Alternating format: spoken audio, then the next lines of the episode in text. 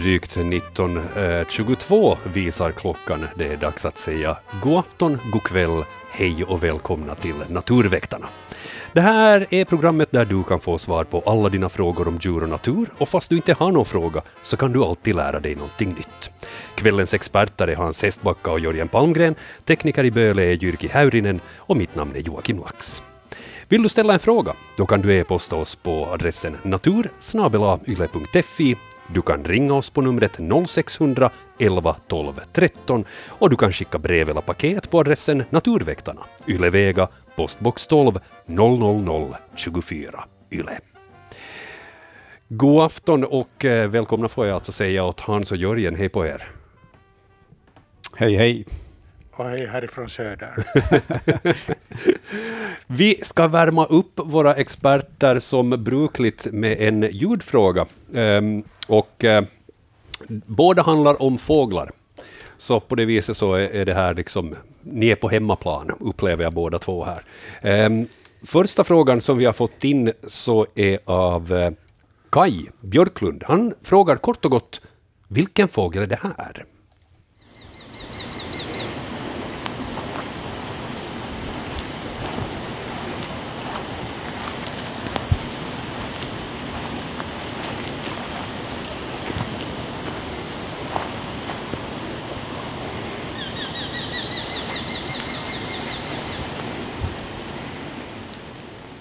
Ganska sådär ihärdigt ungefär. Vad rör det här sig om för fågel? Uh, Jörgen? Det för, för mig blir det kvar några alternativ. Ja, det där. Om jag skulle se var den ropar så skulle jag kanske kunna begränsa det lite. Men alltså, jag misstänker att det är en falk. Ja. Men jag kan inte utesluta sparvhök till exempel. Den kanske, sparvhöken är lite mer kanske rytmisk ännu. Mm. Talar vi om en, eh, ett fullvuxet exemplar? Uh, kan inte säga. Men en, en liten falk skulle jag säga. att Tornfalk är ett bra alternativ, lärkfalk ett annat. Ja. Har du någon aning om var den har ropat? Tyvärr inte. Frågan är väldigt kort och koncis. Ja, det är- ja. Så, så jag kan inte säga var den har varit den här. Ehm, Men det låter som den skulle vara flygfärdig, den här fågeln i alla fall, Jörgen. Det är nog möjligt, ja. Mm, mm. Det är möjligt. ska höra, den kommer här igen. Ja, inte mycket som avslöjar där. Falk möjligtvis, eller vad sa du, du sparvhök? Sparvhök, Sparvhök ja. Det är alltså en, en liten rovfågel, är det, det är utan vidare självklart. Mm. Okej, eh, sen har vi en till ljudfråga. Här har vi lite mera information. Eh, Katarina skriver så här. Vad är det här för en fågel? Den har gästat gården tidigt, tidig morgon och sen kväll. Har endast sett den på håll, oftast högt uppe i toppen på ett träd. Uppskattar storleken typ som en trast och gröngul undersida. På nedre kanten av vingarna gula streck och letet låter som ett piu på inspelning, ungefär då man läser upp det sådär från text, men vi ska lyssna hur det låter egentligen.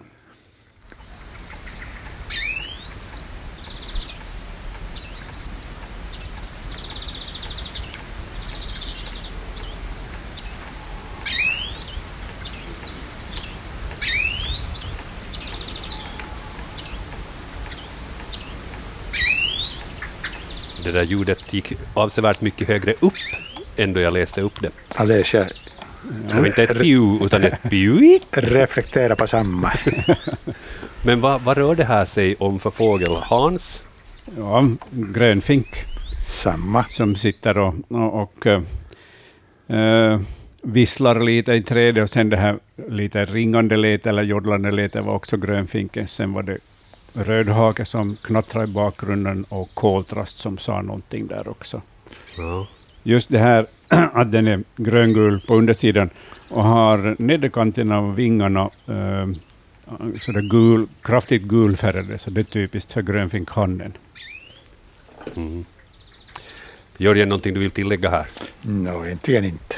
Det var ganska, det var ganska bra avbetat det där. Ja. Ja.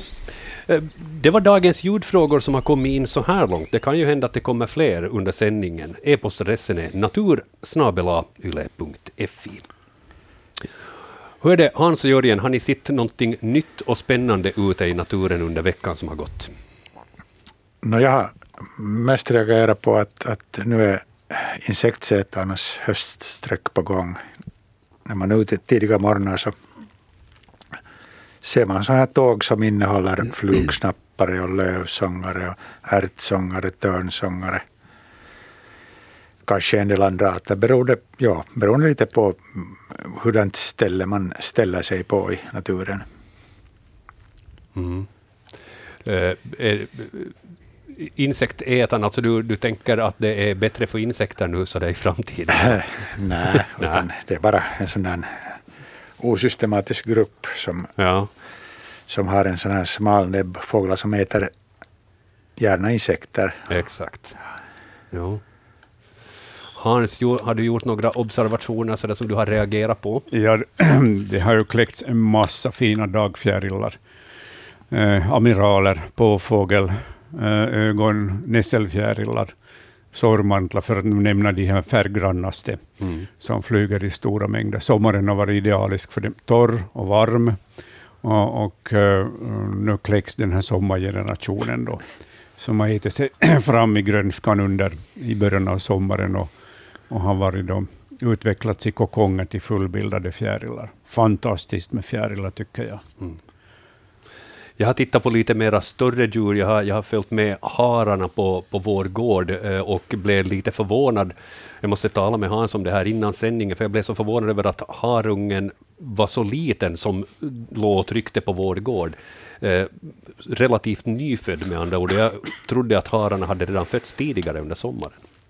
Ja, men just eh, fälthare som det är säkert mm. frågan om, eftersom det är här i Vasa, inne i staden, så, så de har två till tre kullar per säsong, så att det är den andra kullen, kanske redan den tredje beroende på när den här harhonan har börjat. Mm. Så det är, man kan nog se mycket små har, harungar nu just. Ja. Och i och med det här så var det spännande att följa med den här fälthar, fältharen, den fullvuxna, följa med beteendet på gården.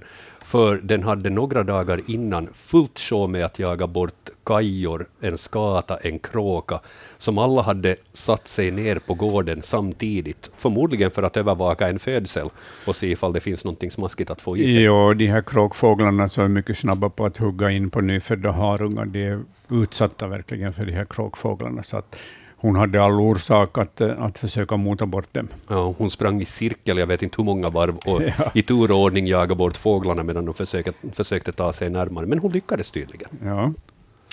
Eh, sen har jag sett också så på nyheterna, så en, en observation i naturen, så det är att man har påträffat en sydlig bärfis vid Stora räntan i Helsingfors. Eh, någonting som man inte har på det viset observerat på tio år. Eh, en, en bärfis av sydlig variant, eh, därav namnet, och eh, mm. den har tydligen kommit hit med, med vad ska vi säga, varma vindar. Ja, det är typiskt för insekterna att, att bäras av sydliga varma vindar upp till vårt land. Mm. Om det nu är så att vi går mot uh, varmare tider och får vänja oss vid varma vindar på det här viset många somrar framöver, kan man förvänta sig att det kommer väldigt mycket av sådana här olika insekter på det här sättet? Ja, vi har ju nog redan fått många, många det här, äh, sydliga insekter till vårt land som etablerar sig och, och som äh, kommer att etablera sig, allt fler arter, medan våra arter, då, deras nordgränser skjuts norrut hela tiden, så det sker som bäst ganska stora förändringar i, i, det här, i insektfaunan. Mm på tal om insektfaunan, du har, du har levererat två stycken tändsticksaskar med lite insektfauna här också. ja. till studion. Som, varifrån var det du hade fått de här? Hörde från Kronoby. Just det. Två stycken tändsticksaskar med innehåll och eh, du har redan meddelat att innehållet så är dött, så att det är ingenting som kommer att springa ut här när jag öppnar. Ja. Då tar vi den, den stora tändsticksasken och, och, gluttar inuti och ser vad vi har här. Uh, ska titta om jag skakar försiktigt, så ja, visst kommer det fram någonting.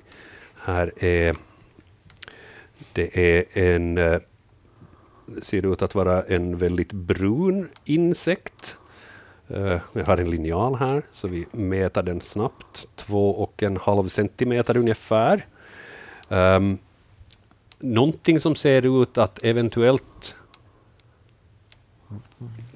kunde bli till vingar kanske, men den är helt sprucken på övre sidan och är som öppen. Så om, om jag säger att det här är skalet av en insekt, Ja, du är på rätt spår. då är på rätt spår. Jo, det stämmer bra.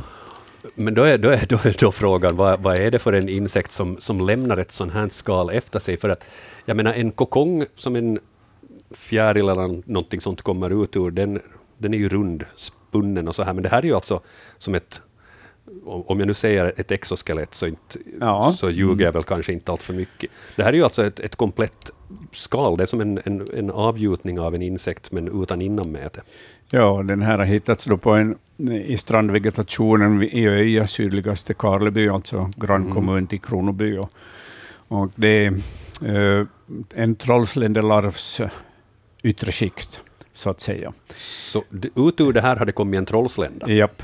Och den här trollsländelarven så har då levt i, i vatten mellan ett och sex år beroende på art. Och, och sen när de är fullbildade så kryper de upp på land och, och klättrar upp på ett uh, vasstrå, grässtrå eller eh, en örtstängel och, och sen spräcks det här ryggen just och så Mm. kryper den här fullbildade trollsländan ut och, och spänner ut sina vingar, torkar under en halvtimmes tid och så är den klar att börja flyga omkring. Hur, mycket större är den när den kryper ut ur det här skalet? Ja, sen när, nu är den ju betydligt större nu, speciellt när vingarna sen spänns ut, fylls med vätska och spänns ut, så blir det ju en stor insekt jämfört med den här larven. Och, och det har ju kläckts otroliga mängder med trollsländor nu i, i slutet av juli, början av augusti, så, så vi har ju fantastiskt med trollsländor tycker jag, marken. Och jag har sett flera lärkfalkar till exempel som har jagat de här, de här stora trollsländorna. Och Och de här trollsländorna i sin tur så drar väl nytta av att det är väldigt mycket fjärilar ute. Jo, de, de jagar ju små fjärilar och till och med större och sen jagar de ju flugor och, eh, och fjädermyggor beroende på hur stor eller hur liten trollsländan är. Riktigt stora trollsländor så äter ju mindre kusiner också. Så det är tuffa tag i, i trollsländornas värld. Okej, så det här, det här var en, en trollsländelarv som, är, som har tagit sig ut ur det här och blivit då en fullvuxen trollslända. Ja. Ja, spännande. Sen har vi en liten tändsticksask här också. Mm. Vi, vi, Och den där är hittad inomhus i Kronoby. Aha, okej. Ja, en liten svart sak. Den här är avsevärt mindre. Den här är dryga centimetern lång, sådär på ett ungefär 1,3. 13 millimeter. Ehm, helt svart. eh, på bakkroppen så är det eh, svarta, vad ska vi säga, strimmor längs med. Någonting sånt som täcker vingarna då förmodligen. För jag antar att den har vingar. Ja, det är ju de här täckvingarna som är de här hårda, som är mönstrade, och sen finns de här mjuka vingarna under. Ja. Eh, och eh, så har den rätt korta egentligen sån här spröten, utan desto mera liksom klubbor eller någonting sånt. Vad- Ja, det är en skalbagge. Det är en skalbagge, ja.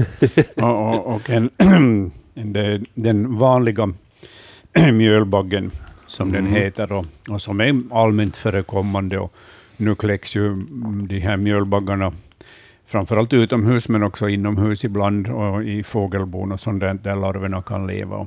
Men de allra flesta som kommer utifrån nu flyger in genom öppen dörr eller vedningsfönster. Och, och sen kan en del komma då från, från pilfinksbon eller gråsparvsbon som finns i, i ventiler i väggarna. Och De lever då på, på det här avfallet som finns i de här fågelbona.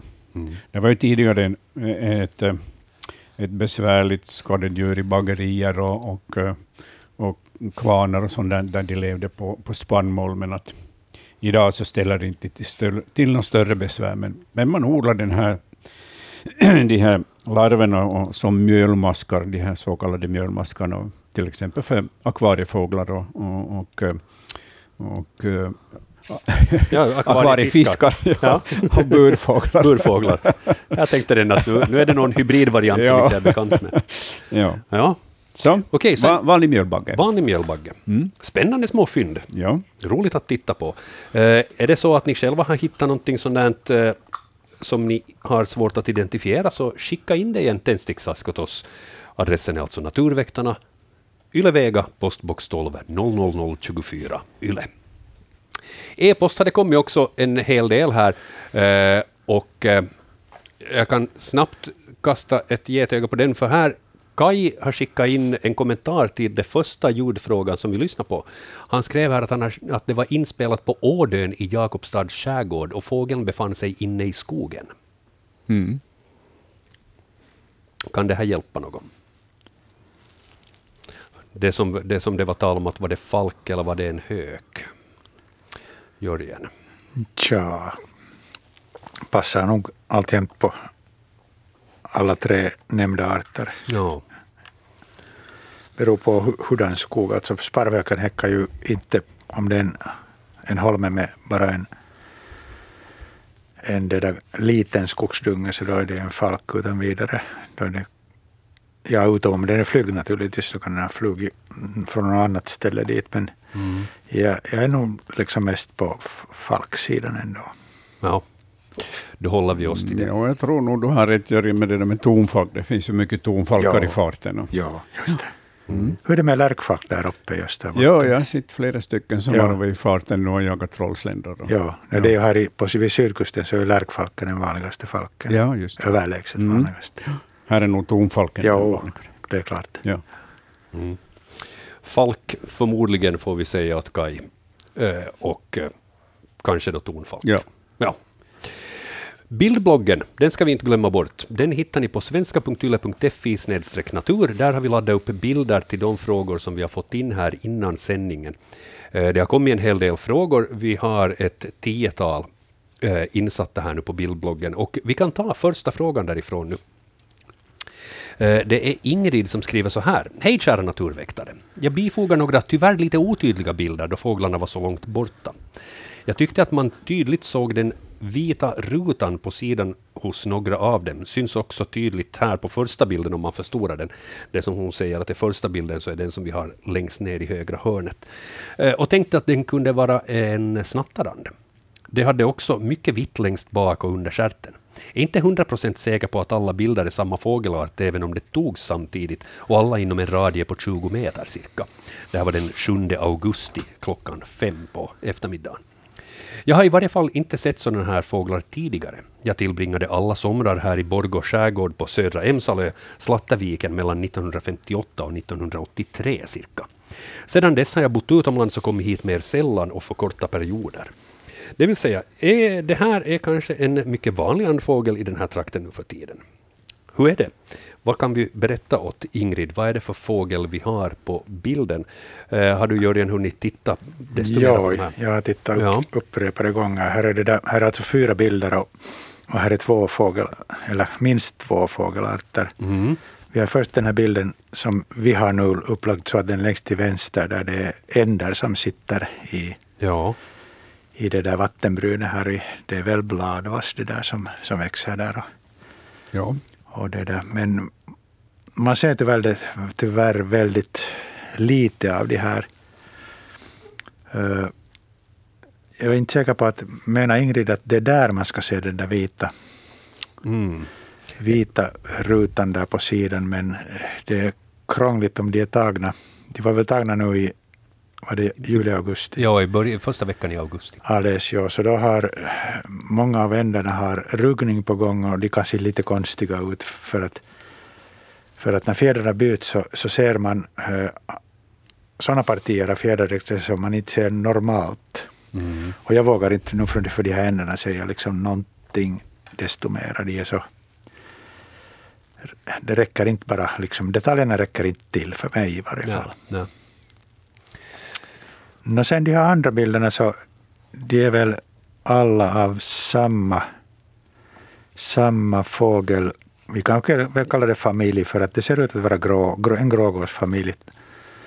Alltså tre ungar och två föräldrar. Och, och, och den, är ju, den här som vi har längst till höger i nederkanten så den är väldigt mycket uppförstorad och då blir det sån här, vi kan kalla det ett pixelfenomen där, där, det där de här färgdetaljerna och formdetaljerna försvinner. Mm. Men den här bilden där man ser fem fåglar simma till höger, så det, det är jag kan inte säga annat än att det är grågäss. Precis.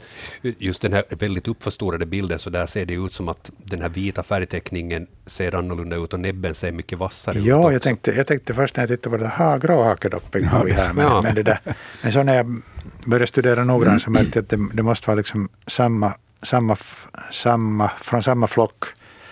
Och, och där måste finnas det här fenomenet med, med det där pixelförvrängning. Mm. Så då, då, då är det grågås på de övriga bilderna. Ja, så såg det nog ut. Jag har nu inte sen senast tittat på den fjärde bilden, men jag tror att det är samma, samma, samma familj som vi ser simma. Det är samma familj. Ja. Ja. Ja, jag tänkte faktiskt göra den också, den här, på den här bilden längst ner till höger, Ja. att gråhakedopping. Ja. Typisk bild på gråhakedopping. Ja, men sen var det nog till exempel där är vi- vitt i baken Jo, som jo. inte riktigt passar och, och, och också om den är förstorad av de här, Ja. som den verkar vara förstorad av de andra så Ja. Ja. Men det var det här vita ansiktet och smala näbben. Så. Ja, jag försökte också i något skede ännu göra någon slags grågås hybrid mellan grågåsen och annan, men det, det är bara belysningen som Mm. gör att kinderna är, huvudsidorna är väldigt ljusa. Ja. Nå, eh, det som Ingrid är inne på här, eh, hon frågar ju också att det, är det här en mycket vanlig andfågel i de här trakterna nu för tiden? Och grågås, den är väl inte ovanlig på det viset? nej, ovanlig är det inte, det är sant. Så det kan vi åtminstone Ja. berätta åt henne. Vad annat kan vi säga om grågåsen? Ja, de har ju ruggat färdigt nu och flyger Ja. omkring i familjer och, samlas i stora flockar och, och be, betar bland annat på, på det här stubbåkrar, nytröskade fält och, och, och det här äh, gräs, eh, betesmarker. Så de rör sig mycket nu från, från och till fastlandet. Mm. Eh, ska snabbt titta igenom om hon hade någon övrig uppföljningsfråga där, men nej, jag tror att jag tror att vi var ganska klara med det. De där ändarna där, så det, det får vi helt enkelt lämna. Hon får följa med läget och, och, och se ifall hon får fler bilder på dem, så kan man ju artbestämma dem sen. Men, men utgående från den här bilden så vågar vi inte oss på. Eh, Vi tittar vidare i bildbloggen. Kvart i åtta är klockan, så vi har gott om tid att besvara några av bildbloggens frågor här innan det blir nyheter. Eh, här är det Jack som eh, har fotografera en padda på Brännskär i Seglinge. Och eh, han undrar helt enkelt, vad är det här för en padda? Ja, det här är nog vår vanliga padda som segar sig fram i, i maklig takt på, på berget. Eh, tjock och fet, och, och, eller ska vi säga rund, rund och klumpig och, och, och det här med de här typiska vårtorna på, på skinnet. Och, i sävlig gång, som, som paddan brukar. Den behöver ju inte vara rädd för att bli, bli tagen av, av sina fiender, för de som har smakat på padda en gång, så de gör inte det en gång till en trevlig bekantskap, en riktig fulsnygging kan man säga. Vad har paddan för naturliga fiender? Eh, nå, nu finns det ju en del som, som framförallt så finns det ju eh, eh, en eller två flugarter som är specialiserade på att lägga, lägga ägg på de här och larverna kan ju, kan ju faktiskt eh, ta koll på, på de här paddorna som får fluglarver på sig. Eh, ja, kanske tranan kan plocka sig i. Jag, jag inte Säkert, ja. Ja. Och snoken kan försöka sig. Snoken, ja, snoken klarar faktiskt av, av Mm. paddan, men, men eh, däggdjur, däggdjur brukar undvika, alltså mårdhund och, och, och rev och sådana, så de undviker nog paddan när de har provat en gång. Mm. Är det alltså smaken helt enkelt? Som, Ja, de utsöndrar giftiga ämnen från de här körtlarna på, på, eller vårtorna på ryggen. Det är ju ett försvarsmedel för dem. Mm. Men det här är ingenting som tranar och snokar har problem med? Nej, tydligen inte. Snoken bryr sig inte alls om, om det. De äter gärna paddor. Så att det finns en del, en del eh, eh, arter som har klar, anpassat sig till det här paddans försvar. Mm. Nu brukar ju paddorna vara mest i farten i, i skymningen och på nätterna, så de brukar ju undvika ganska många fiender på det sättet. Men ibland så kan man se vuxna paddor sega sig fram helt öppet så här på, i, i klippig terräng eller på en skogsstig eller sånt där. Mm. Nu är det lite svårt att utgående från den här bilden säga hur stor den är, för att det är få saker som, som finns runt omkring för att kunna storleksbestämma det. Men Ja. va, vad ska vi tippa? Ja, som en halv karahand. Ungefär. Så mäter jag min hand snabbt med linjalen och lägger till lite eftersom jag har rätt små karahänder. så att en, vadå, 6-7 centimeter. Ja, kanske till och med 10. Kanske till och med 10. Mm. Ja, då, då har jag långt ifrån karahänder, men okej. Okay. Nåväl, vi behöver inte tala om det. Nej. Nej. Eh, vi tar följande. Jag kan passa på att säga 0611 12 13. Det är telefonnumret ifall man vill eh, ringa in hit till studion och ställa en fråga till våra experter. Eh, men innan någon ringer så då besvarar vi följande fråga som vi har i bildbloggen. Det är Rickard som har skickat in den här och han skriver Jag undrar vad det är för en fågel som jag hittade på landsvägen. Och så har han tagit en bild på en fågel som, som tyvärr ligger död här på asfalten. Um, vad kan vi svara åt Rickard? Vad är det här för en, för en fågel som han har hittat? No, vi kan svara att den har chokladbrunt huvud. Mm. En ljusgrå eller vit kind med en mörk fläck. Brunbrokig ovansida. Enfärgat ljusbrun övergump och bruna stjärtpennor. Det är en art, artbestämningen är entydig, det är en pilfink. Ja. Men sen kan man försöka fundera lite på åldern. Ja, med lite fantasi så kunde man se att den har lite gult i, i det där så kallade mungipan. Mm. Det, det, kan vara att det är fantasi, men man ser i varje fall någonting, när man förstorar det, någonting ljust där vid näbbasen och då skulle det då skulle det tyda på en ung pilfink. Sen finns det nog någonting i fjäderdräkten också där till exempel man tittar på de här tertialerna som är de innersta arpen. Så där finns en som avviker från de övriga men det kan vara bara att om den har krockat med någonting så, så har det skett någonting med, med det där partiet av fjäderdräkten. Ja, och krocka med någonting har den väl förmodligen gjort. Det är ju tyvärr ganska det, ja. vanligt att Jo. hittar man en död fågel på en landsväg så är Ja. det en bil som har varit i farten. Ja. Bilfink får vi säga där åt Rickard. Och Rickard han har, han har också skickat in ett paket idag med en riktigt kort fråga. Du har väl det där hos dig Jörgen? Jo, jag hittade den i vår postbox. Rickard skrev så här, så här. Hej, jag undrar när hallon slutar mogna. Nå, det kan vi svara på att de, de slutar mogna sen när sommaren är slut. Mm. Alltså de, mogn, de, de, de mognar ju allt eftersom ny, nya det där, eh, eller de blommar så väldigt eh, asynkront, alltså olika tider. Att, att jag tror att det är om det är en, en riktigt fördelaktig sommar så kan man plocka ännu i september till och med. Ja. Och sen fanns här en insekt med. Nu är det så att, att jag är ju inte riktigt expert på insekter, men det, det, så mycket vet jag att det här är en humla.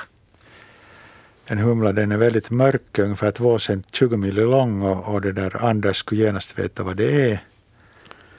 Du skickade en bild här jag Ja, visade något kanske- Hans. Nå, ja, Ja, no, automatiskt så säger det måste vara en stenhumla, okej. eller kan vara en stenhumla. De, har, de är ju färgade sådär, men det finns det. förstås andra också som har Ja. liknande färger. Men Ja, förmodligen en stenhumla. Ja. Men vi kan göra så att vi, jag lämnar det här i vårt post. Ja, så får Anders så titta får på den Anders nästa titta vecka. på den nästa vecka. Just det. Men där svarat Rickard. Bilfink hade han fotograferat och det var en humla som han hade Mm. skickat in.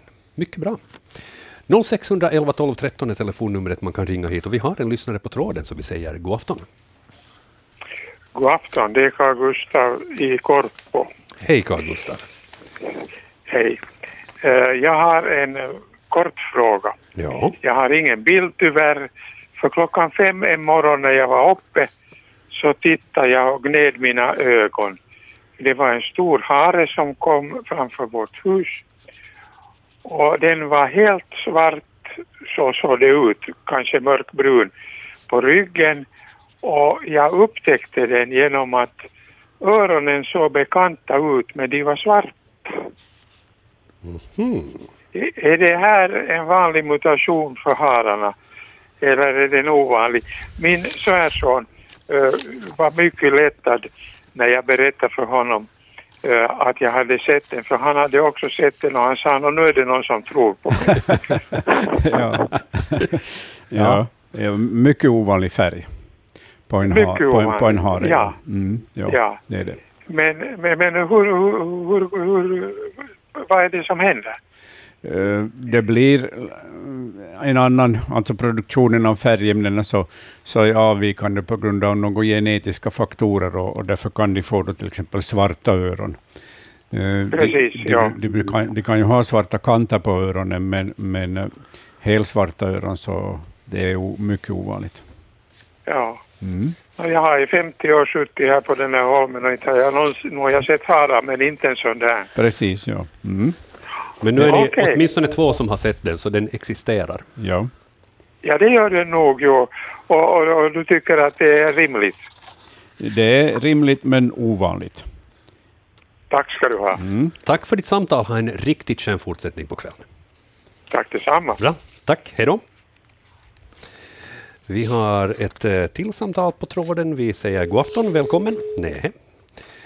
Då väntar vi med fler telefonfrågor tills det börjar blinka på linjerna här igen. Och så kan vi titta vidare på bildbloggen. Uh, här följande bild så, ja, man brukar ibland säga att eh, känsliga lyssnare så kan varnas för bilden. Det det är rester av djur som vi har här på bild. Det är Mikael som har fotograferat det här utanför villan på Gräggön, Jakobstad, och undrar helt enkelt vad är det vi har hittat här utanför villan? Eh, och eh, min första anblick är ju att det är inälvor av något slag. ja, så är det ju. Det är nog Jag tycker samma. tunntarmen, förmodligen av en skogshare, som har blivit tagen och, och eh, uppäten. Eh, ofta så brukar de här tarmarna eh, rensas ur, lämnas på platsen av, av, av det här, den som har tagit, av jägaren, som, eh, den bevingade eller fyrfotade jägare som har tagit det här djuret. För att eh, tarmar innehåller ju mycket parasiter och de brukar undvika att äta, äta tarmarna för att då undvika de här parasiterna också. Så att, eh, jag skulle tippa att det är skogshare. Finns det fälthare där så är det kanske fälthare, men en eh, tunntarm från en hare. Mm. De, de ser ju på det viset rätt sm- små och tunna ut Ja. eh, i och med att vi har en cigarettändare här Mm. som eh, storleksjämförelse på bilden. Eh, rätt långa däremot. Ja, tunntarmen är ju lång. Mm. Så det här. Och, och liksom uppdelad i två. Man kan säga att en del av innanmätet är, är på väg ut där också. Ja, den här uh, bytesfångaren, så har, då han har rivit ur de här tarmarna, så har den tarmen gått av helt enkelt. Så att, Ja. Eh, är, är det, oavsett om det då är fågel eller en fyrfotad jägare så sprider de ut tarmar och liknande på det här sättet? Eh, Finns Ja. det olikheter där? när de så att säga rensar, rensar bukhålan så, så kastas ju tarmarna åt sidan och, Mm. och blir liggande på det här sättet. Ja. Men är det så att om man letar ordentligt i terrängen så borde man hitta övriga rester också eventuellt? Det av- behöver man inte göra. Eh, Förmodligen så har det här eh, bytet blivit uppätet eller burit in i skogen eller har flugit iväg på, på berguvsvingar i, i, någonstans längre bort i skogen. Mm. Tarmar, Ja. tunntarm förmodligen och eh, eventuellt av hare. Nej, hare, men eventuellt då fälthare, Ja, skogshare, som är, som är väl den, förmodligen den vanliga där på, på Gräggön i Jakobstad. Mm. Från bildbloggen över till telefontråden. Vi har några minuter innan nyheterna, så vi säger god afton. Vem är det som ringer? Karin från Korpo, hej. Hej Karin, Korpo är väl representerat idag. Ja, jag märker det ju. Hördu, jag har en konstig fråga tror jag. Jaha. Äter ekorren äppel? Ja, det gör den. Jaha, Ja. där var det. Ja, Så För konstigt var det ett inte. nej, det, vi hade ett litet äppelträd, är fem år gammal. Och det var mycket äppel, men nu är alla försvunna. Ja, men då får, du- då får du räkna med att du har säkert vitsmanshjort och rådjur där. Ja, Och de äter ju mycket äppel, gärna, speciellt vitsvanshjorten. jo, men vi har höga staketlagar Aha, runt mm. vår trädgård Ja. och trastnät och sånt, men jag vet inte, ska man nu köpa ekorrnät nu då? Nej, det lönar sig inte. Nej. nej, Ni, får, ni får ta förlusten som den är. Ja, just så. ja. Mm. Ja, tack för det. Då tackar jag för ditt samtal och ha en riktigt skön kväll. Detsamma, tack. Tack, hej. Hej. Ja, ekorrar är duktiga på att klättra och ta sig förbi olika hinder. Så att, Ja, äppel innehåller ju mycket socker, så det är ju ett begärligt, en begärlig födo, ett begärligt födoämne. Jag ska ta en, en relativt kort fråga här innan vi ger över till nyheterna. Jag tittar igenom e-posten här och, och hittar en som, eh, som lyder så här. Hej, här kommer en fråga från barnen som mamma Anna inte har kunnat besvara trovärdigt. Varför är fågelskit oftast vitt till färgen? Jörgen, har du någon teori eller ett, ett, ett svar, belägg helt enkelt för varför är fågelskit oftast vitt till färgen? Om man tänker på stora fåglar som äter fisk så då är förklaringen väldigt logisk att det är det där det är kalk, mycket kalk med i avföringen. Men hur det sen är för tättingarna så... Hmm, Hmm. vad är det som förorsakar det vita där? Är det Det är urin, urinämnen? Just urinämnena. det. Ja. Ja, just, Mm. det, just det. Eftersom de har en kloak där Jo. både, både den fasta och den rinnande avföringen samtidigt, ja, kommer samtidigt. Ja. Så den här urinämnena färgar eh, avföringen vit.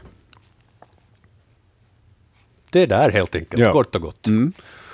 Det är, där, där har mamma Anna nu svarat åt sina frågvisa barn. Det är urinämnena som färgar fågelavföringen vit. Ja.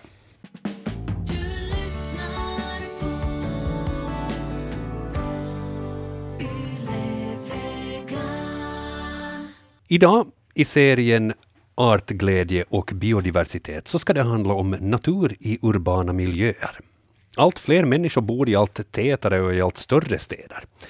Hur lämpligt är miljöerna vi har skapat för växt och djurlivet där?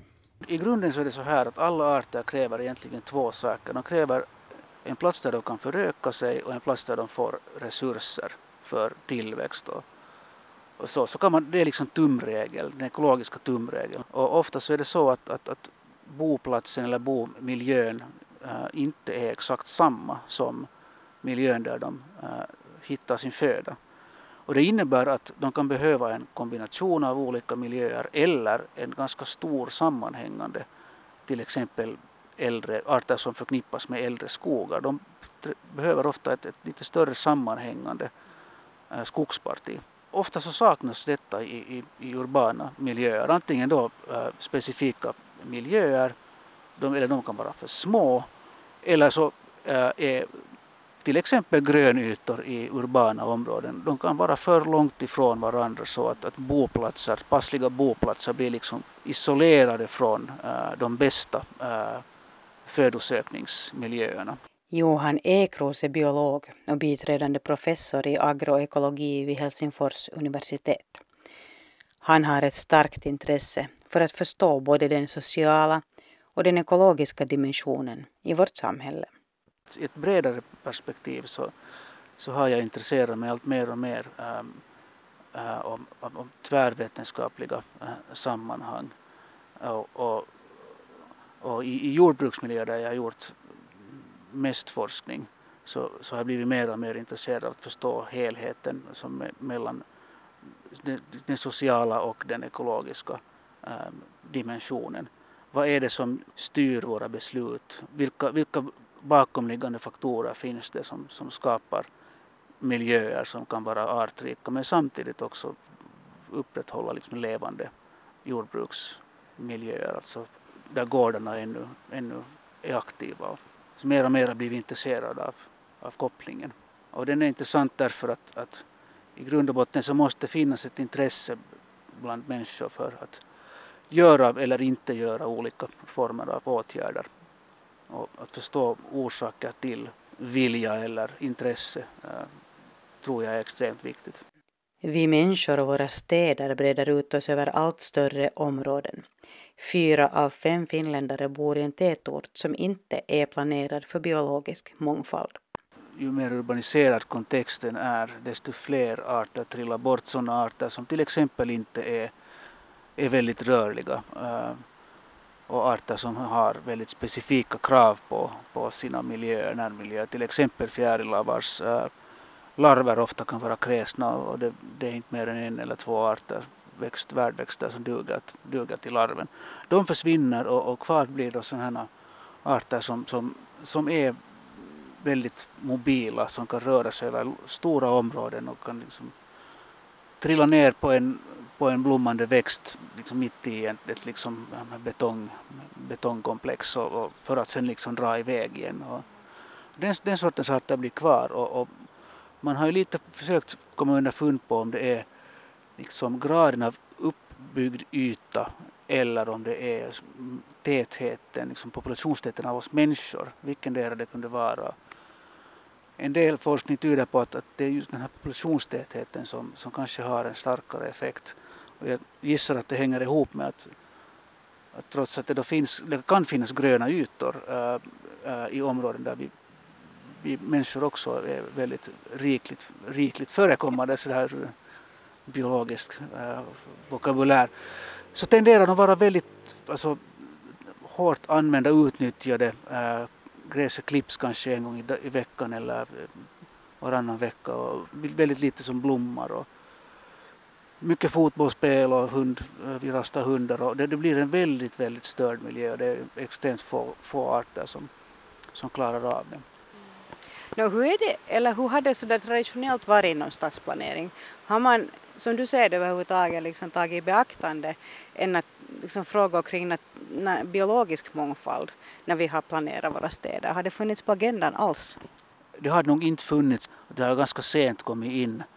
Ja, Det börjar, det finns, det finns nu alldeles tydligt ett intresse eh, men man är nog man är ganska, ganska i startgroparna tills vidare. Man försöker bättre beakta frågor, frågor gällande biologisk mångfald i, när, man, när man designar grönytor eh, och så.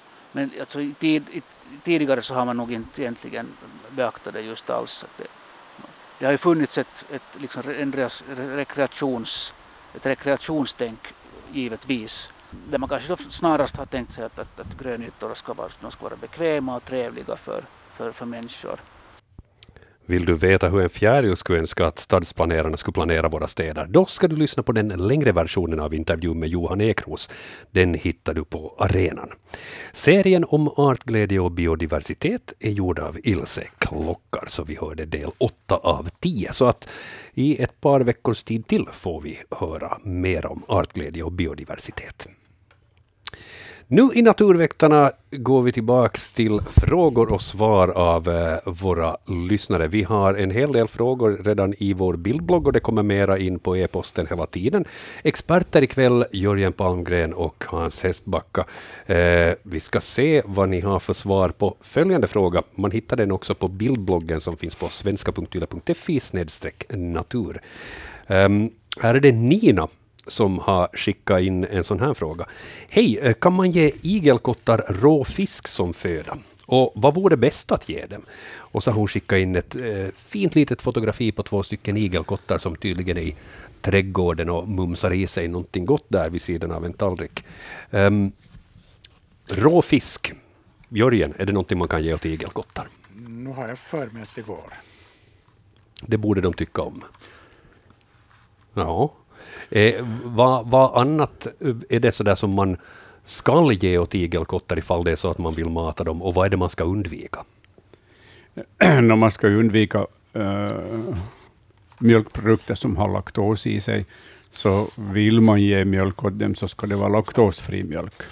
Därför att de kan inte bryta ner det här eh, mjölksockret, laktos. Eh, sen eh, är, är ju kattmat, sån här mild kattmat, en, en utmärkt mat åt, åt de här igelkottarna. I den här trädgården som finns på den här bilden så är jag säker på att igelkottarna hittar mycket naturlig mat, dagmaskar, sniglar och snäckor, som ju hör till deras favoritföda. Är det så att man behöver överhuvudtaget mata igelkottar?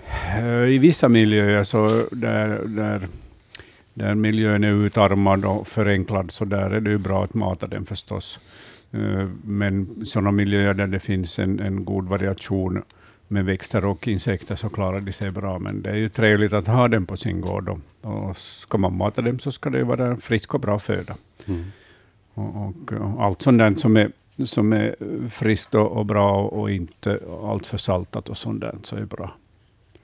Har vi några andra tips att ge åt eh, någon som upplever sig själv vara en igelkottsvän? Hur kan man liksom göra hemmet eller trädgården mera igelkottvänlig? Ska man tänka på liksom bomiljö till exempel? Ja, det ska ju vara en förvildad trädgård med oordning och rishögar och lövhögar och sånt där. Så då trivs eh, igelkottarna bara. Bakom uthuset får det finnas ett tätt bestånd med stort bestånd med brännässlor, där förresten flera fjärilsarter eh, lever som larver. Så att eh, en halvvild eller förvildad trädgård är bra miljö för dem. Mm, hallonbuskar tycker de om det. Ja. Där verkar de trivas på vår gård i varje fall. Ja. Mm. Okej, nej men vi får svara där i varje fall ja på frågan om rå fisk. Det passar. Och eh, kattmat eventuellt. Och så ska man, ifall man nu ger någonting annat, se till att det är laktosfritt. ja. Och inte så kryddat och saltat. Nej, nej. Mycket bra, då har vi svar där. Sen är det ju bra att, att nu när det är så här varmt att, man, att de har tillgång till dricksvatten. Det är ju det viktigaste. Mm. Fast de får ju mycket, mycket vatten via eh, dagmaskar och sniglar, men i alla fall friskt vatten. Mm. Telefonerna gör sig påminda. Vi får säga god afton. Vem är det som ringer? Det är Hedda Kainz från Dragsfjärd, Högstora. Hejsan Hedda. Eh, vad har du för Hej. en fråga till våra experter ikväll? Jag har den frågan att jag har en katt som är ute och innekatt och jag var borta här i förrgår och när jag kom hem så var den helt matt och hade en svullen kind och tre sår i huvudet, köttsår. Så var jag till veterinären med den igår och hon sa att hon, hon, hon den fick antibiotika men eh, hon, visste, hon, hon kunde inte säga vad, vem som har antastat det. För det ser ut som, som någon skulle ha... Hon sa att ja, den har säkert varit slåss med en, en annan katt, men här finns inga andra katter. Jag bor helt för mig själv på en stuga långt, långt ute, så här är inga katter, men här kan vara lodjur och här är fåglar, här är rovfåglar. Men så jag misstänker att det kan ha varit en fågel som har försökt ta den i klorna. Ja, vad tror du om det Jörgen? Nå, veterinären sa inte någonting om de här spåren, att var det klospår eller tandspår eller... Nej, Ja. nej. Är, är de tätt bredvid, bredvid varandra, de här tre såren på Alltså, huvudet? Eller? det, det är två sår precis ovanför ögonen och ett på kinden. Mm. Tja. Hur ska det vara Jörgen om, om en stor rovfågels, rovfågelfot har, har liksom slagit in i ansiktet? Två klor syns uppe och ett, en eh, nere på kinden. Det funderar jag också lite på. Just därför, Ja. därför så önskar jag en lite tilläggsuppgifter, men om det inte finns så finns det inte. Mm. Nej, för att, att den, är, den, är, den är nästan svart och, och den har väldigt tät päls. Det är en Ja. här Bri- British short hair, en old lady. Men hon har väldigt vassa, sylvassa klor, så hon kan, nog, hon kan nog ha försvarat sig. Ja. Men eftersom det, och det var på dagen och jag var borta, så jag, mis, jag, jag menar, skulle det ha varit en, en no, iller, någonting, så skulle den ha väl angripit i halsen då, eller bitit i halsen, Eller nacken, ja. eller nacken, ja. Jo. Jag tror, eh, jag skulle nästan hålla en hacka på duvhöken jag i det här fallet. Ja, ja det, det, det kan bra stämma. Den, är, den är så pass stor att den skulle ge sig på en... Ja, en, en duv, duvhökhona så kan ju ta upp till en fälthare. Ja, ja, så då. Ja. Ja, det, den den- väger ungefär fe, fem kilo. Just Ja. och det Den är så stor att en duvhök kan nog inte flytta på den, Nej. men den kan slå den nog, Mm. eller försöka slå. Försöka, ja. Ja. ja. duvhökar kan ju, eller särskilt när det finns unga, unga duvhökar igång, så, så de, Ja. de måste ju prova på allt möjligt. ja, klart. Ja. Ja, men då, Ja, men- då får vi önska snabbt tillfrisknande för katten och... eh, Ja, och no, den, den är ute nu och den uh, vilar sig och nu, den kommer sig nog, tror jag. så får du följa Ja, men med, får följa Ja, med beteendet ifall, den spanar, ifall den spanar ängsligt upp mot skyarna, så då, då är kanske Ja, svaret ja. nog att det, Ja. det är en rovfågel. Ja, men det var min misstanke blev bekräftad då. Mm. Ja, Bra, Tack då tackar vi för samtalet och ha en skön kväll. Tack detsamma. Tack ska du ha. Hej. Tack, hej. Hej. Vi har följande linje också som blinkar så vi passar på att ta det också. När där slutar det.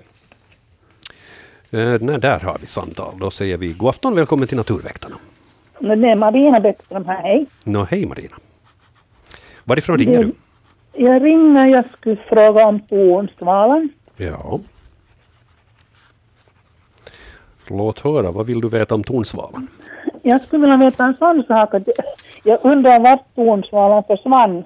Vi hade dem ännu för en vecka sedan så hade vi dem här. Vi har haft ett tornsvalebo här i vårt, vårt hus. Och förra året så, så föll de här ungarna ner, två stycken. Och den ena, ena dog och den andra förde vi till Högholmen men den hade tyvärr bröst vingen så, så den hade också avlidit. Och nu undrar jag då att de försvann liksom helt plötsligt och då läste jag någonstans att om det blir lågtryck och regn så då kan de liksom vara borta fast en vecka och komma tillbaka. Och de var borta flera dagar. Och så kom de tillbaka men nu har de liksom försvunnit helt så har de flyttat till varmare ställen eller? Vet du, vet du alltså att har, har, de försökt häcka i år? Jo, de har nog varit där i det där Ja. Vi har suttit på, på terrassen och följt med dem. Ja. Och, och de, har, de har varit och flugit in och ut där. Just det, men och så har här då kvinnor liksom här kring huset så här, de har kunnat vara en upp till tolv stycken. Men nu finns det inte en enda kvar mer. Ja, har ni, har, ni har inte tittat in i holken inte? N- nå, det är tyvärr på det sättet att de är inte i holken. Att Ja, förra året när de häckade Ja, så, så, det där, så häckade de liksom uppe där, riktigt under taket på huset. alldeles just det. Ja, no, jag, det var dumt av mig att föreslå Ja. att titta i holken om det inte No, jo, no, men finns så någon vi holk. köpte, jo, vi köpte sen en holk så att vi hade Ja. en holk färdig här på våren nu när Ja. de kom. Men de for inte i holken utan de for på samma ställe där de hade varit förra Ja, det tar, det tar vanligtvis många år innan de accepterar en, en, en, ny upphängd holk. Ja. Fast, fast den är äldre den här holken så det, de, är, de, är, de är ganska det där, kräsna av sig. Ja, Ja, det där ungarna så normala fall så, så blir de flygfärdiga på ungefär vad är det, sex veckor, sju veckor, sju, åtta veckor till och med. ja. Men det där...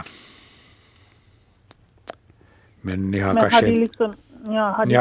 har, har de flugit liksom, har, alltså har de stuckit tillbaka till Afrika redan? Nej, knappast har de farit ända, ända dit nu, men det, där, det kan till exempel ju hända det att, att där har varit häckning och de, har- och, och, och de har misslyckats, då, då är de ju fria efter det. Ja, De kan inte göra någonting åt det, men om, om det där, när du nämnde det här att de skulle kunna vara borta en vecka, nu har det inte de senaste tiderna varit riktigt sånt väder att, att eh, de här förutsättningarna skulle uppfyllas. Att det, det kan tillfälligt så kan det ju till exempel flyga runt eh, åskmoln och så vidare. Men Ja. och så länge det är varmt så finns de nog i, i, i närheten och kommer nog sen tillbaka till boet. Om det finns någonting de har att göra där, men om det inte är någon unge mera så, så det, då, då är det ju så att de har inte ärende sen mera. Ja, ja, det var det som jag tänkte bara liksom när de försvann allihop att här fanns Ja. det liksom, här var då det ena paret som häckade. Ja, Men sen så brukar de flyga omkring där på kvällarna och Ja. det var, kunde vara upp till en tolv stycken. ja det, kan vara, det kan vara icke-häckande fåglar eller, eller fåglar från något, kanske något annat, annat revir i närheten. Det, Ja. det finns, när de är, de är långlivade fåglar så de, de häckar inte heller vid ett års ålder utan först senare. Ja, så finns det sådana här som man kan kalla liksom eh, flytande delar av populationen som inte är bundna ännu till något visst ställe utan de kan då, de kan då flyga omkring och ja. deltar i de här sociala, sociala där tillställningarna som ja no, det var för, har. första året, förra året som, vi Ja. liksom så, som de hade liksom bo här hos oss. Så det, där, så det var ganska roligt att de kom tillbaka nu liksom Ja, ja, de, det här de, året igen. ja, det blir, blir nog vanligtvis en festa vid sin häckningsplats att de kommer tillbaka och de blir alltså könsmogna vid två års ålder först. Ja. Okej. Men, men det kan, det, jag, misstänker om ni nu inte har sett dem på en vecka så då, då, då hade antingen gått åt skogen. Jag tror att de inte...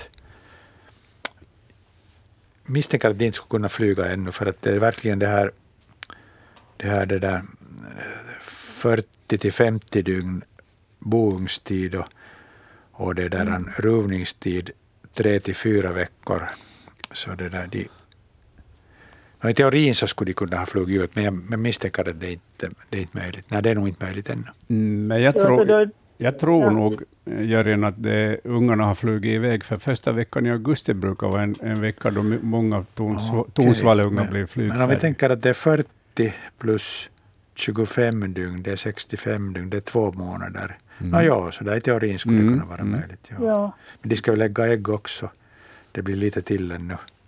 Det blir lätt, Mm. lätt över, redigt över två månader. Men vi är ju nu i det skedet. Ja. Ja, det är möjligt. det är nog det skedet då, då de brukar bli flygfärdiga. Ja. Mm. Okej, no, men det är det jag ska vänta på dem då nästa år. Ja, Igen, att jag misstänker- Ja, jag i mis, holken då. misstänker nästan att, att du får ett nytt par i holken sedan, Aha, Ja, sen, sen i sinom tid. Ja. I sinom tid i ja. nästa sommar. Ja, Ja. Så tidigt redan. Ja, jag håller tummarna för Ja, ja, det. det. Okej, no, men du ska hålla tummarna. Ja, jag hade på egen gård tonsseglarholkar i 20, 20 år, men det kom ingen till dem. Ja, Ja. Men det, så, så här är det ofta. ja så det, det No, jo, no, jag trodde inte liksom att hela det, det var egentligen min pojke så han sa att det där att vi trodde att det var någon sån taltita eller någon sån här som hade bo. Men så sa han nej det är, en stor, det är säkert en koltrast. Så tänkte jag nej inte kan det vara en så stor fågel sen när jag såg den där tornsvalan. Så. Men det var ju den i alla fall. Mm. No, men du får bara följa med där och invänta dem om inte annat till nästa säsong. Helt ja, enkelt. okej. Utmärkt. Tack för Tack ditt samtal. Tack. Tack, Hej då. hej. Ja, tornseglare har vi rätt gott om i mina knutar också, men då håller de till uppe vid, vid ett höghus. Där har de tydligen sina bon någonstans. Jag har aldrig varit uppe på det här höghuset för att inspektera det närmare, men de flyger tätt ovanför vårt hus och, och, och ibland har jag haft någon också som har varit och gjort ett närmare besök med fönsterrutan. Men de har klarat sig, de som har flugit in där, för att jag lyfte upp dem lite högre och så kvicknade de till sen. ja, ja. Men tornseglare alltså som inte längre har orsak att åka iväg till boet ifall det är så att, att eh, häckningen har på något vis misslyckats. Är det så att de kan påbörja flyttningen söderut tidigare eller är det så att de inväntar då tills stora skaran åker iväg? Nej, de, nu, kan, nu kan de börja. Om de, om de är fria så, så jag misstänker nog att de far iväg. Jo, det är ju mycket tonsvallar som, eller tonseglare som har stuckit iväg redan. Ja. Ja. Så Men det- här över, över storstaden Esbo, Helsingfors så, så ser man ju, jag såg ett hundratal idag Ja, när de väjde åskskurarna. Ja. bara. Mm. Och jag tittar här i Tira observationssystemet så det var det hundratals på de här bästa fågelvikarna. Ja. Duktiga flygare, de här tornseglarna. Ehm, um, koltrast nämndes kort där i samtalet. Jag jag ska ehm, fortsätta på, på, på det temat uh, här, för att vi fick in ett e-post från Wilhelmina och Sara. De skriver så här. Hej, vi råkade igår se en koltrasthane ta en mindre huggorm här i Nox i norra Esbo. Vi trodde först att det var en enorm dagmask han slogs med, men det visade sig vara en 25 centimeter lång huggorm. Efter att ha kämpat med den i fem minuter vann trasten över ormen. Vi visste inte att koltrastar kan ge sig på ormar. Är det här vanligt? Undrar alltså Sara och Wilhelmina. Tra, trasta ger, ger sig nog på huggormar, små huggormar och, och, och brukar lyckas med sin jakt. Ja, men vanligt är det nog inte. Nej, men om de upptäcker Ja. en, en liten huggorm så Jo. de jagar ju inte speciellt efter huggormar, utan om de råkar träffa på dem. Ja. De är ju ute efter dagmaskar nog, Ja. men, men råkar de träffa på en, en, en liten huggorm så hugger de nog in på den. Ja, man kan, jag misstänker att man kan tänka sig att det är i själva uppskattningen var 25 centimeter, men kanske det ändå är en årsunge. Ja. Ja. Jag tror det. Mm. Så det kanske i koltrastens ögon eventuellt bara är en väldigt stor dagmask. Ja, ja. Mm. Och att det är därför det Nu ger den- sig på den. Nu är den klyftigare än du tror. Det är nu, så. vet, nu, nu, vet, nu vet den vad den kämpar med. Den vet vad den håller på med. Ja, jag tror dig. Jag tror dig. Eh, ja, men så, sånt kan hända, kan vi svara åt Sara och Wilhelmina. Ja. Mm. Vi ska titta vidare i bildbloggen lite så att vi kommer igenom den också ikväll. Uh, så kan vi ta eventuellt lite fler samtal här senare i sändningen. Uh, vi är framme vid en bild som Albin, 11 år, har skickat in. Han skriver på måndagen såg jag den här fjärilen i Oravais skärgård. Jag skulle dra bort en bit mossa men så upptäckte jag den här insekten. Den var 3-4 centimeter. Vad heter den? Och så har han skickat in eh, ett väldigt vackert fotografi på, på eh, en insekt med vingar mot en mörk träbakgrund. Det är som ett litet konstverk det här fotografiet. Ehm, och eh, den här bevingade lilla tingesten här, så den går enbart i vitt, svart och lite gråa nyanser. Ja, och har vackra, vackra mönster på, på vingarna och också mönstrade eller ran, randade ben Mm. i, i vitt och svart. Och, och det här är nog en, en björkmetare som, som har landat för ovanlighetens skull. Ja, men, men kanske han har flyttat den hit på den här brädan för att den ska synas bättre. Eh, den brukar ju vara ganska, uh, ställ, eller vila på ganska kamouflerat ställe på, på trästammar, björkstammar och sånt där. En, en vanlig, vanlig fjäril vars larver äter eh, bland annat björkblad och eh, andra eh, björksläktingar. Ja. Ehm, och, ja, det, han, har, han har nog flyttat den hit till, Mm. på, på det här underlaget. Och den syns ju bra på det här underlaget. så här. Ja. På, ju, just på björkstammar så, och, och på, på lavklädda stenar så är den ju otroligt väl kamouflerad, den här björkmetaren. Mm. Ja, man kan riktigt tänka sig att den, den försvinner där. Jag, har för mig att vi har haft upp en- eventuellt den Mm. här eller, eller det. liknande och, och då var det tal om jag hade någon teori om att just att den är som väl anpassad för att gömma sig på en björkstam, men det är inte väl det som den skulle efterlikna, utan var det så att den, det var den här som skulle efterlikna fågelspillning? Ja, det finns, ja, det kan man tänka sig att den kan likna, men nog Ja. är den bra kamouflerad på en björkstam Ja, det är den. eh, och på en lavvuxen sten, lavöverdragen sten. Mm. Men björkmetare får vi svara åt, åt Albin. Och eh, gratulera honom till ett vackert fotografi. Mm. Riktigt snyggt. Eh, sen har vi i bildbloggen här nu som nästa bild nummer sju. Eh, den här är också riktigt, riktigt vackert fotograferat. Det är Corinne som har tagit den här bilden och skriver kort och gott. Vad är det för vita gryn som den här larven har på sig? Um, larven hon talar om är till stora delar svart, men så har den så här brand orange-gula streck. Dels som delar in eh, larven i olika segment, men sen också en sån här orangefärgad rand längs med hela kroppen och så har den långa hårstrån överallt på kroppen också. Eh, om vi börjar helt enkelt då med att eh, säga vad är det här för en larv? Det här är gräsulvens larv eh, som är så här färggrann. Varningstecknad kan man säga och hårig. De här håren ska man inte röra. För man, kan, man får eh, stark irritation av de här håren eftersom de innehåller giftiga ämnen, de här håren. Och sen är det ju irriterande själva de här när de bryts av och, och fastnar i skinnet. Eh, Minns jag rätt så är det bara göken som klarar av sådana här håriga larver och som äter dem också. Mm. Eh, Ett otroligt fint fotografi som visar hur tufft det kan vara att vara fjärilslarv i, i, ute i naturen. De här tio vita gryniga föremålen på, på den här fjärilslarven, så det är en parasitstekel som har lagt sina ägg, lagt några ägg på den här larven och, och eh, nu har de börjat leva på den här, alltså suga kraft ur den här levande larven för att själva då utvecklas till, till det här eh, ste, steklar, fullväxta steklar. Ett ganska tufft öde för en fjärilslarv, kan man men säga. inte ovanligt. Mm, men man kan, man, den, är, den är dödsdömd. Den, Den är dödsdömd, den här gräsullslarven, utan vidare. Ja.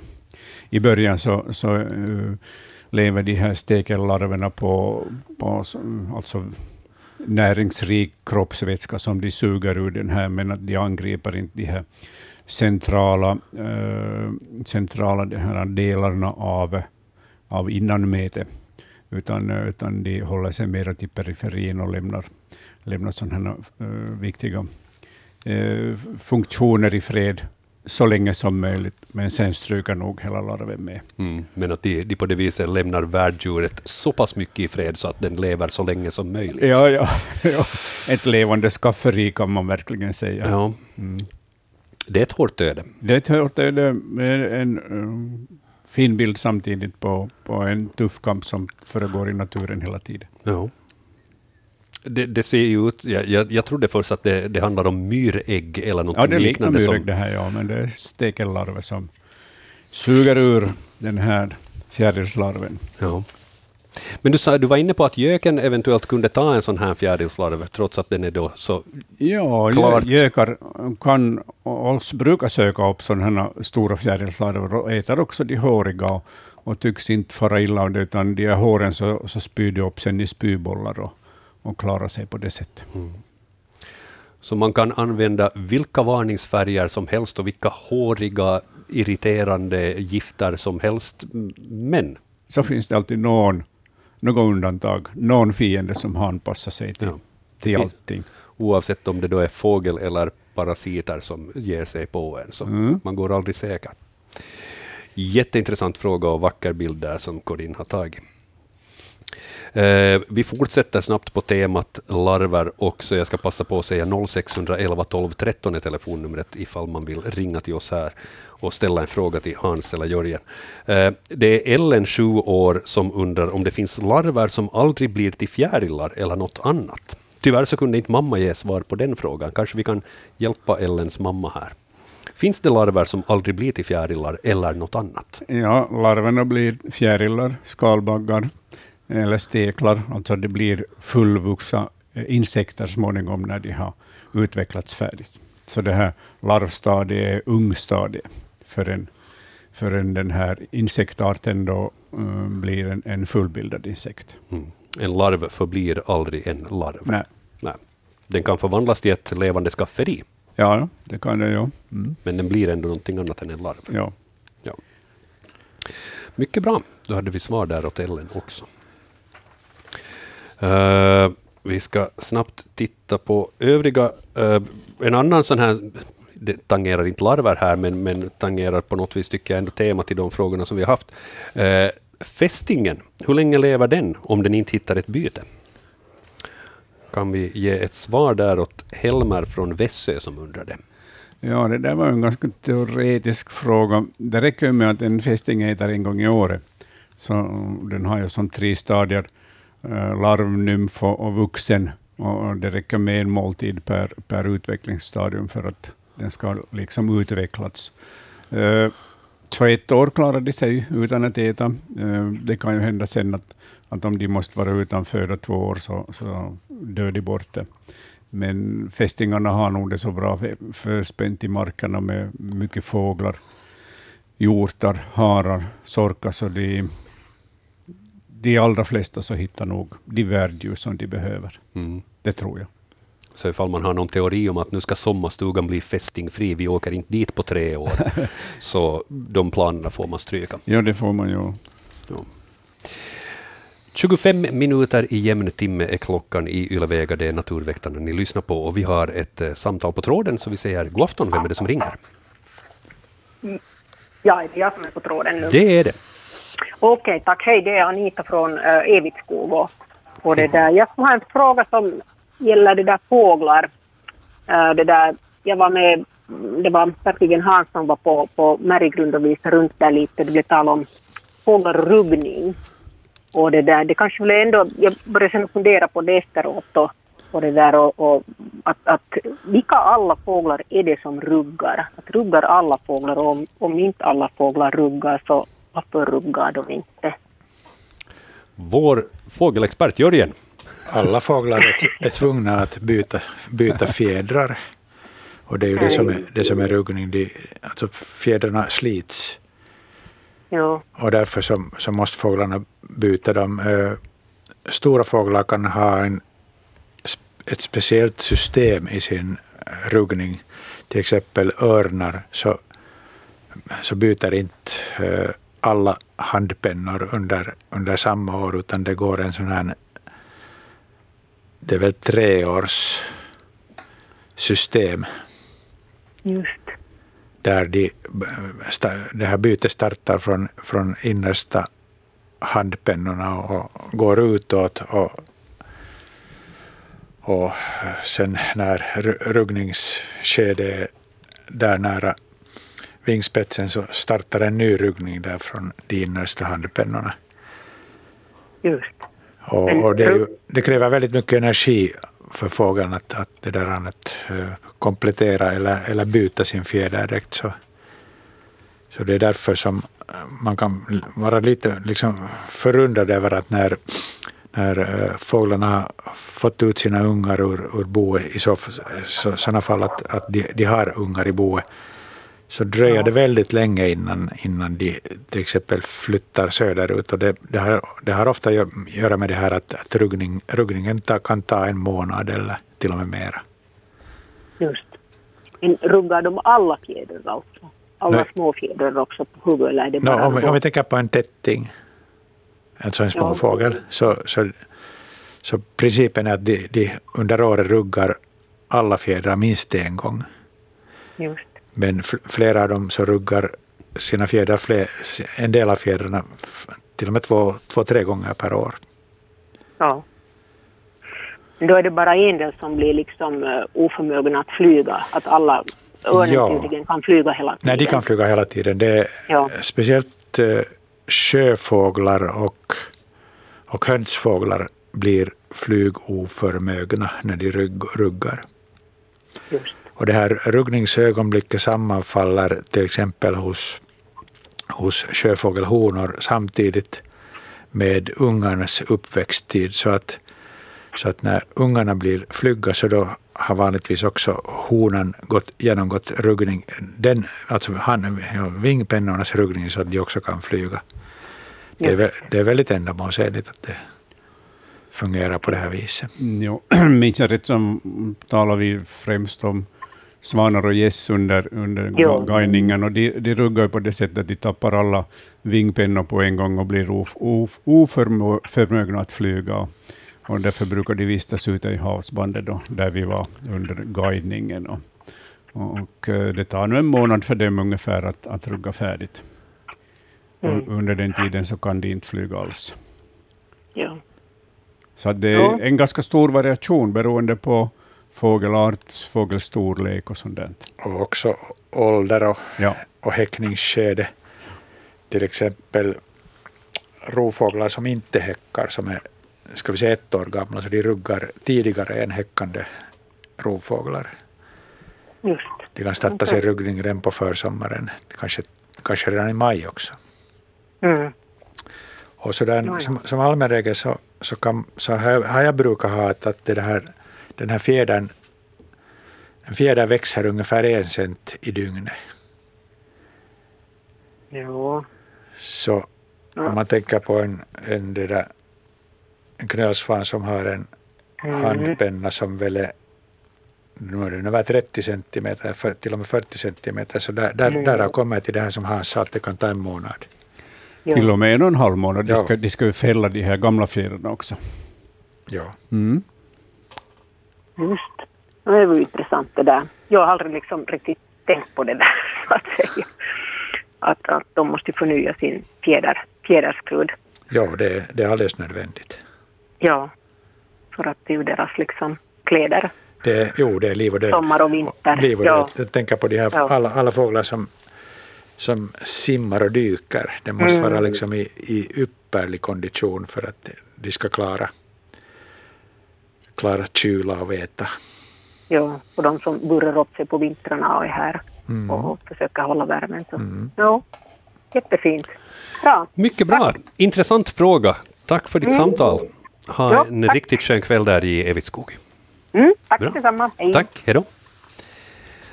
Eh, vi har ett till samtal. Vi säger god afton. Vem är det som ringer? Hasse Lindholm och Snappetuna, hej. Hej Hasse. Det var jag har eh, en intressant fjäril här som inte jag har sett tidigare. Det var den där silverstreckad pärlemo som har varit mycket här nu i år. Ja. Så de, ni nämnde inte den, den där nämligen när, när ni talade om fjärilarna där så jag tänkte att det, den är, otro, det är otroligt mycket av den. Ja, och vad, otroligt mycket, vad betyder det i din värld? Jag har en 15-20 här på mina olika växter här som Oj, ser du bara. Mm. det, vilket, och, och både, båda, båda könen, det är väl ena, hanen är väl lite mindre tror jag. Berätta, vad, vad är det du har i din trädgård som gör den så välbesökt? ja, där är nog lite allt möjligt. Som under, under, nu på hösten har kommit mera i tid. Det är, det är nog fru som sköter trädgården och jag, och jag sköter de fjärilarna. Så, Men där måste finna, finnas några blommor som de... jo, jo, det, jo det, det, det, det, vissa saker som de är otroligt intresserade av. Det och som det, oh, vad det nu heter. Om bara frun skulle vara här så skulle hon nog berätta vad de heter. Om det.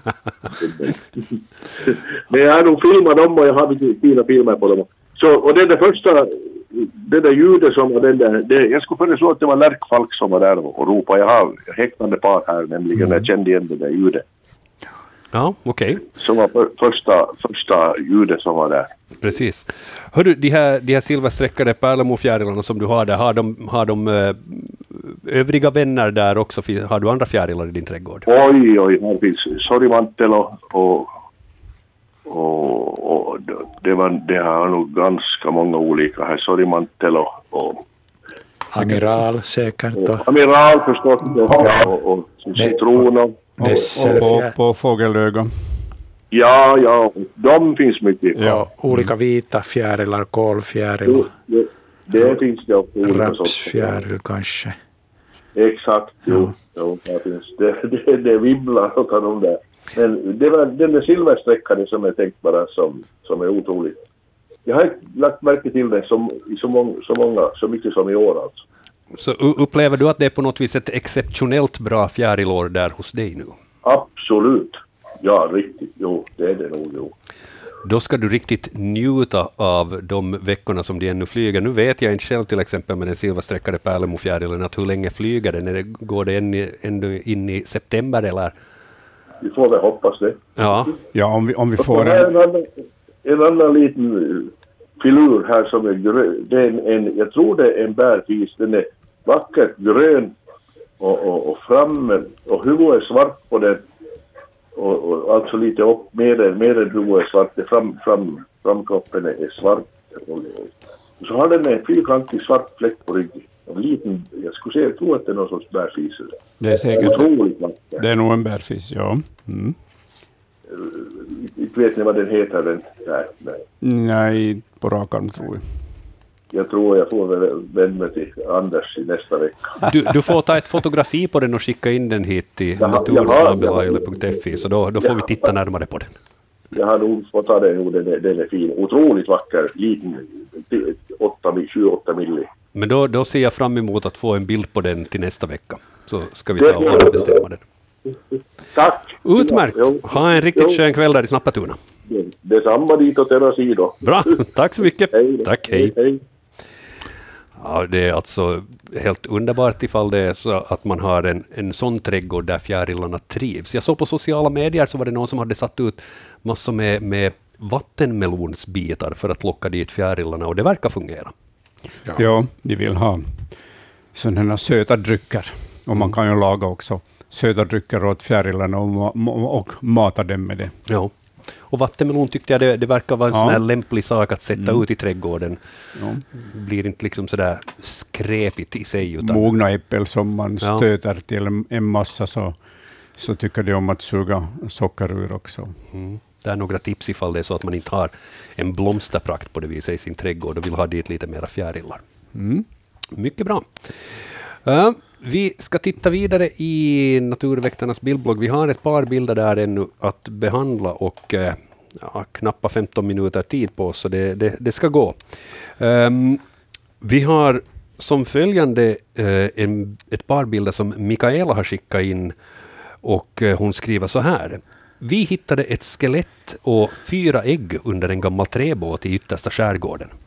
Äggen var cirka 6 centimeter stora och ett av äggen var ljusblått. Vems skelett och ägg kunde det möjligen vara? Skriver alltså Mikaela. Och om vi tittar på de här eh, bilderna så visst, det ena ägget är ljusblått, men i övrigt nog lika stort som de tre övriga. Och eh, delar av ett skelett, på ena bilden så är det bara, vad ska vi säga, kranium och eh, någon form av ryggrad och eh, sen på den andra bilden så där har man kanske samlat lite fler skelettdelar dit bredvid för att underlätta vad det, liksom artbestämning av det här. Um, Jörgen och Hans, när ni tittar på de här bilderna, vad kommer ni att tänka på? Vad, vad rör det sig om? Först slog det alldeles tomt, men det, där, det är på något sätt liksom disproportioner i de här skelettdelarna. Mm. Ja. Om, om, där, om man tänker på den högra bilden så där är liksom, till höger kan- finns kanske ett huvud. Ja. Och längst till vänster finns kanske ett bröstben, men det, är- det är liksom i... Det, det är fel storlek för att passa att det skulle vara samma art. Bröstbenet är alldeles för litet. Det jag tror, Jörgen, att det där benet till vänster är ett skulderblad. Ah, no, i det så fall. Så Ja. Det kan hända, ja. Nu när jag tittar närmare Ja. på, på huvudet så ser man ju ro, rovtänder i den där skallen. Ja, du tänker på, är det möjligen skrake då? Nej, utan eh, att det skulle vara, ja äggen skulle kunna vara skrake, men, Ja. men skelettet skulle, skulle vara från uh, mård, rev, uh, utter.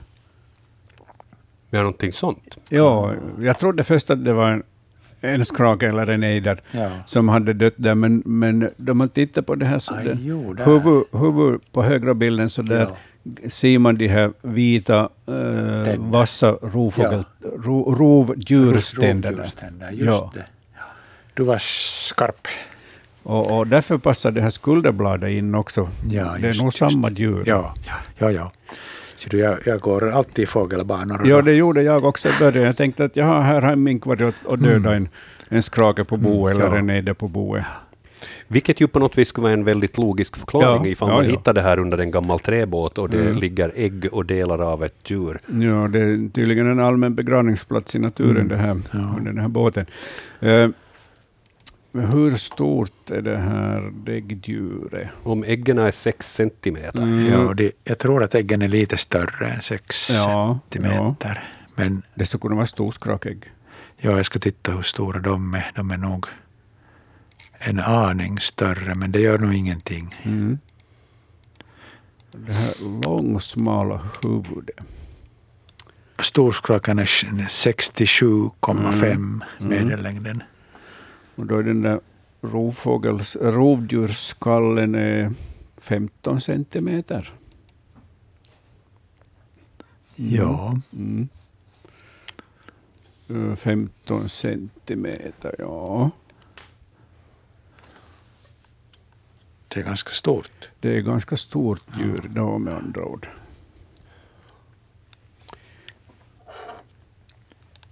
Inte omöjligt att det är en ung rev förstås, men, men ja...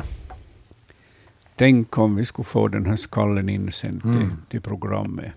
Ja. Så att vi skulle kunna titta på den noggrannare. Och från olika vinklar. Ja, från olika Ja, vinklar också. Ja. Och också ta lite mått på den. Mm, mm. Så här en hälsning då till Mikaela ifall du lyssnar eller ifall någon bekant till Mikaela lyssnar. Eh, Vi vill ha skallen. ja, skicka Ja. gärna in den. Nej, äntligen alla de här Benen. be- benen. Ja, Men ja, in, inte äggen, det är Nej, rötägg. nej, det vill vi inte ha. De får lämna. De luktar fruktansvärt. Ja. Men, Men- men- skallen och övriga ja. bendelar Ja. gärna. Skicka in dem eh, någorlunda mjukt inpaketerade till Naturväktarna, Ylevega, postbox 12 00024 Yle. Så ser vi fram emot att titta lite närmare på det här, för det här är ju lite av ett mysterium. Eh, skelettdelar samt fyra ägg under en gammal träbåt. Mm, mm. Ja, skraken och andra sjöfåglar brukar ju eh, värpa sina ägg, eller alltså tillreda boet i skydd under någonting, så att det, det passar Mm. bra in på en skrake. Det här, och det här blåa ägget så är en, en missfärgning som förekommer ibland eh, Mm. hos fåglarna. Eh, Det här djuret så, så har, har varit skadat på något sätt, eller hårt angripen av, av parasiter eller skabb och helt enkelt krupit in, under båten och, dö- och dött där. Något annat kan jag inte komma på. Inte. Men det skulle vara ett djur som inte skulle ha gett sig på äggen? Ja, det är en tillfällighet tror jag att, att, de här, att de här är på samma plats. Det tror jag. Ja. Skicka gärna in, som sagt, eh, skallen och övriga skelettdelar eh, ifall du, Mikaela, hör det här, så ska vi eventuellt eh, lyckas bättre med artbestämningen Ja. då när vi får titta närmare, mäta och eh, konsultera litteratur och liknande, så ska vi se ifall vi då kan hitta rätt. För än så länge så får det här lämnas som ett mysterium. Ja, ja, intressant mysterium. Ja. Vi tar ett samtal här emellan. Vi säger god afton, välkommen till Naturväktarna. Mm, ja, det här var Göran. Hej. Hej Göran. Eh, jag har en, en sån fråga. Vi har en, en stuga i Nedervetil i Loulus, vid Loulus träsk och där finns en hel massa tärnor. Men eh, eh, de far därifrån, eh, ja, grannen vår har konstaterat att de far alltid 19 juli. Ja. Och i år, i år for de 20 eller 21, då var det nog nästan slut med dem. Och vi funderar att vart tar de vägen? Och hur vet de att de ska fara just då? Ja, de har häckat färdigt och har flygfärdiga ungar förstås. Och, och de brukar alltid bryta upp eh, så fort som möjligt efter att ungarna har blivit flygfärdiga och, och träna flygningens konst så att de orkar flyga med de här ungarna. Uh, har ni bestämt, är det silvertärna eller fisktärna? Det, det kan jag nog inte säga, jag är Ja, så dålig. Men Ja. nu är det väl säkert om det är vid, vid en sjö så är det väl fisktärna. No, det, är, ju- det är ju det mera troliga, Ja. ja. men det finns nog silvertärnor som häckar i sjöar. Jo, enstaka, jo, Ja. men nu är det utgångsläget är väl att det är Mm. fisktärna. Ja. Ja. Och ifall det är fisktärnor så, så då flyger de till, till sydvästra Afrika, södra Afrika där de övervintrar, vid kusten. Men far de alltså ra, raka vägen då? Nej, sakta mak. Ja, ja, ja, men att de börjar sin, sin återfärd då? Att Ja. De, de. Ja, Ja. Deras, deras höstflyttning så tar ju, får ju ta lång tid. Dels för Ja. att un- ungarna orkar inte flyga så långt och så ska ju föräldrafåglarna mata de här uh, ungarna under färden. Så att uh, det kan ta en två, tre månader att komma fram. Jo, just det. Ja, de men men alltså, att, att de där ungarna blir flygfärdiga då ungefär samma, samma tid varje år, alltså 19 juli. Ja, det Ja. pass, passar bra in. Ja, det, men det, det är nog skillnad. Det kan finnas en sådana som är, som är det där han lägger, lägger om. De har misslyckats säkert och lägger om och de kan då vara en vecka, två veckor, tre veckor senare till och med. Men det är nu inte viktigt i det här sammanhanget. Inte. Ja, no, det, jo, det, det finns nog några, det har vi, det Ja, har vi nog konstaterat, men nu är de nog också borta. Ja, det. Okej, men, men de far alltså i- inte och, och, och det där äter någon annanstans utan de börjar sin liksom väg i, vä- till, till, Ja. till Afrika. Höstflyttningen har börjat för dem. Ja. Mm. Okej, just så. Tack så mycket. Bra, tack ska du ha Göran. Ha en skön kväll. Hej, hej. Tack, hej. Tack detsamma. Hej. Hej. Det där får eventuellt bli sista samtalet för eh, den här kvällen, för vi har ännu frågor i bildbloggen att eh, titta på. En, en, en, en till fråga som eventuellt kan bli till ett mysterium. Vi ska se. Vi har ju hårda experter med oss ikväll. Eh, det är Magnus som har skickat in följande bild eh, och eh, skriva skriver så här. Hej, sydost om Örö på en holme med mycket tallskog märkte jag faktiskt mycket nära huset, högt uppe i en tall, ett enormt bo, där jag kunde se tre stycken mycket stora fåglar. Iakttog en mycket stor fågel som flög till boet. Jag bifogar en bild och hoppas det hjälper er att bestämma vad det är frågan om. Det här hälsar alltså Magnus. Och eh, eh, bilden, då man förstorar den så den, den blir lätt grynig, så på det viset så är det ganska svårt att komma nära in på det här boet och den här fågeln som sitter uppe i tallen. Men utgående från eh, bildens upplösning, eh, vad kan Jörgen eller Hans säga om det här? Jörgen? Ja, man ser alltså att den där, där sitter en fågel på boet och den är, den är ganska ljusbrun och har någonting mörkt där på bröstet. Men så mycket mer kan man inte säga. Och det där, storleken så får man nu lite gissa sig till. Det är, en, det är alltså en tall. Och boet är det är nog ganska stort men inte något exceptionellt stort. Mm. Så jag har på något sätt mina misstankar till en vrak. En vråk. Mm. Ja. Men det, det är nog svårt att vara riktigt säker här. Det ser ju ut som att den iakttar fotografen i varje fall. Jo, det gör den utan vidare. Den, den tittar på fotografen och de här kvistarna som jag använder för bobygge är inte särskilt tjocka och stora. Mm. Man, man jämför, det, jämför med, med, med de här tallkvistarna så de, de är tydligt tunnare. Eh, är, det, är det möjligt att den besöker någon annans bo eller är det här den här fågelns bo? Nå, vi måste ju utgå från beskrivningen att det, den, den får, får eller jag, jag misstänker att det här skulle kunna vara en, en unge. Mm. Ja, det håller jag med dig om. Ja. Mm. Men det, det krångliga är här att, det där, att orm, om vi tänker att om, om det skulle vara en ormvråk så, så de är, de är ju väldigt olika tecknade. Eller kan vara väldigt olika tecknade och därför försöker jag liksom febrilt hitta här någonting som skulle vara specifikt för ormvråken så att det skulle gå att spika det här men riktigt säker är jag inte. Alltså det, det, det finns något mörkt brunt där på på övre bröstet och lite ljusare där under kunde vara ett ormvråkskännetecken som, som man kan använda men jag är inte riktigt bombsäker när just när det blir så grynigt det här. Ja. Vråk, eventuellt ormvråk. Mm. Jag tänkte göra en... att- Aha, det här är ett korpbo som en hornuggla häckar i. Ja. Men eh, korparna brukar ha sådana bon. Ja, så ungefär den här typen. Ja. Men ormvråken kan ju också återanvända korpens bo. Ja, det kan den göra. Ja. Ja. Men det får, det får lite lämna som en, som en eh, kvalificerad gissning. Ja, en, en, en bild på en flygande fågel, flygande fågel som kommer till bordet det skulle vara jättetrevligt. Men Mm. Då kan vi uppna, uppmana Magnus att följa med läget helt enkelt. Ja, det här är ju nog ett speciellt ställe också om, om det är sydost om Örö. Jag har inte studerat skärgården, kartan över skärgården desto noggrannare. Att, att det där, är det överhuvudtaget tänkbart att det är en, en vråk som häckar i det området? Mm. Den är nära huset skriver han ju här, Mm. så på det viset borde han ha strålande läge att, att Mm. hålla Ja. det där boet under observation i varje fall. Alldeles. Och, och eh, eventuellt få se en, en bild också på, Ja. på flygande fågel. Ja, men de, de, om- det är ordvråk så då är ju ungarna en flygga.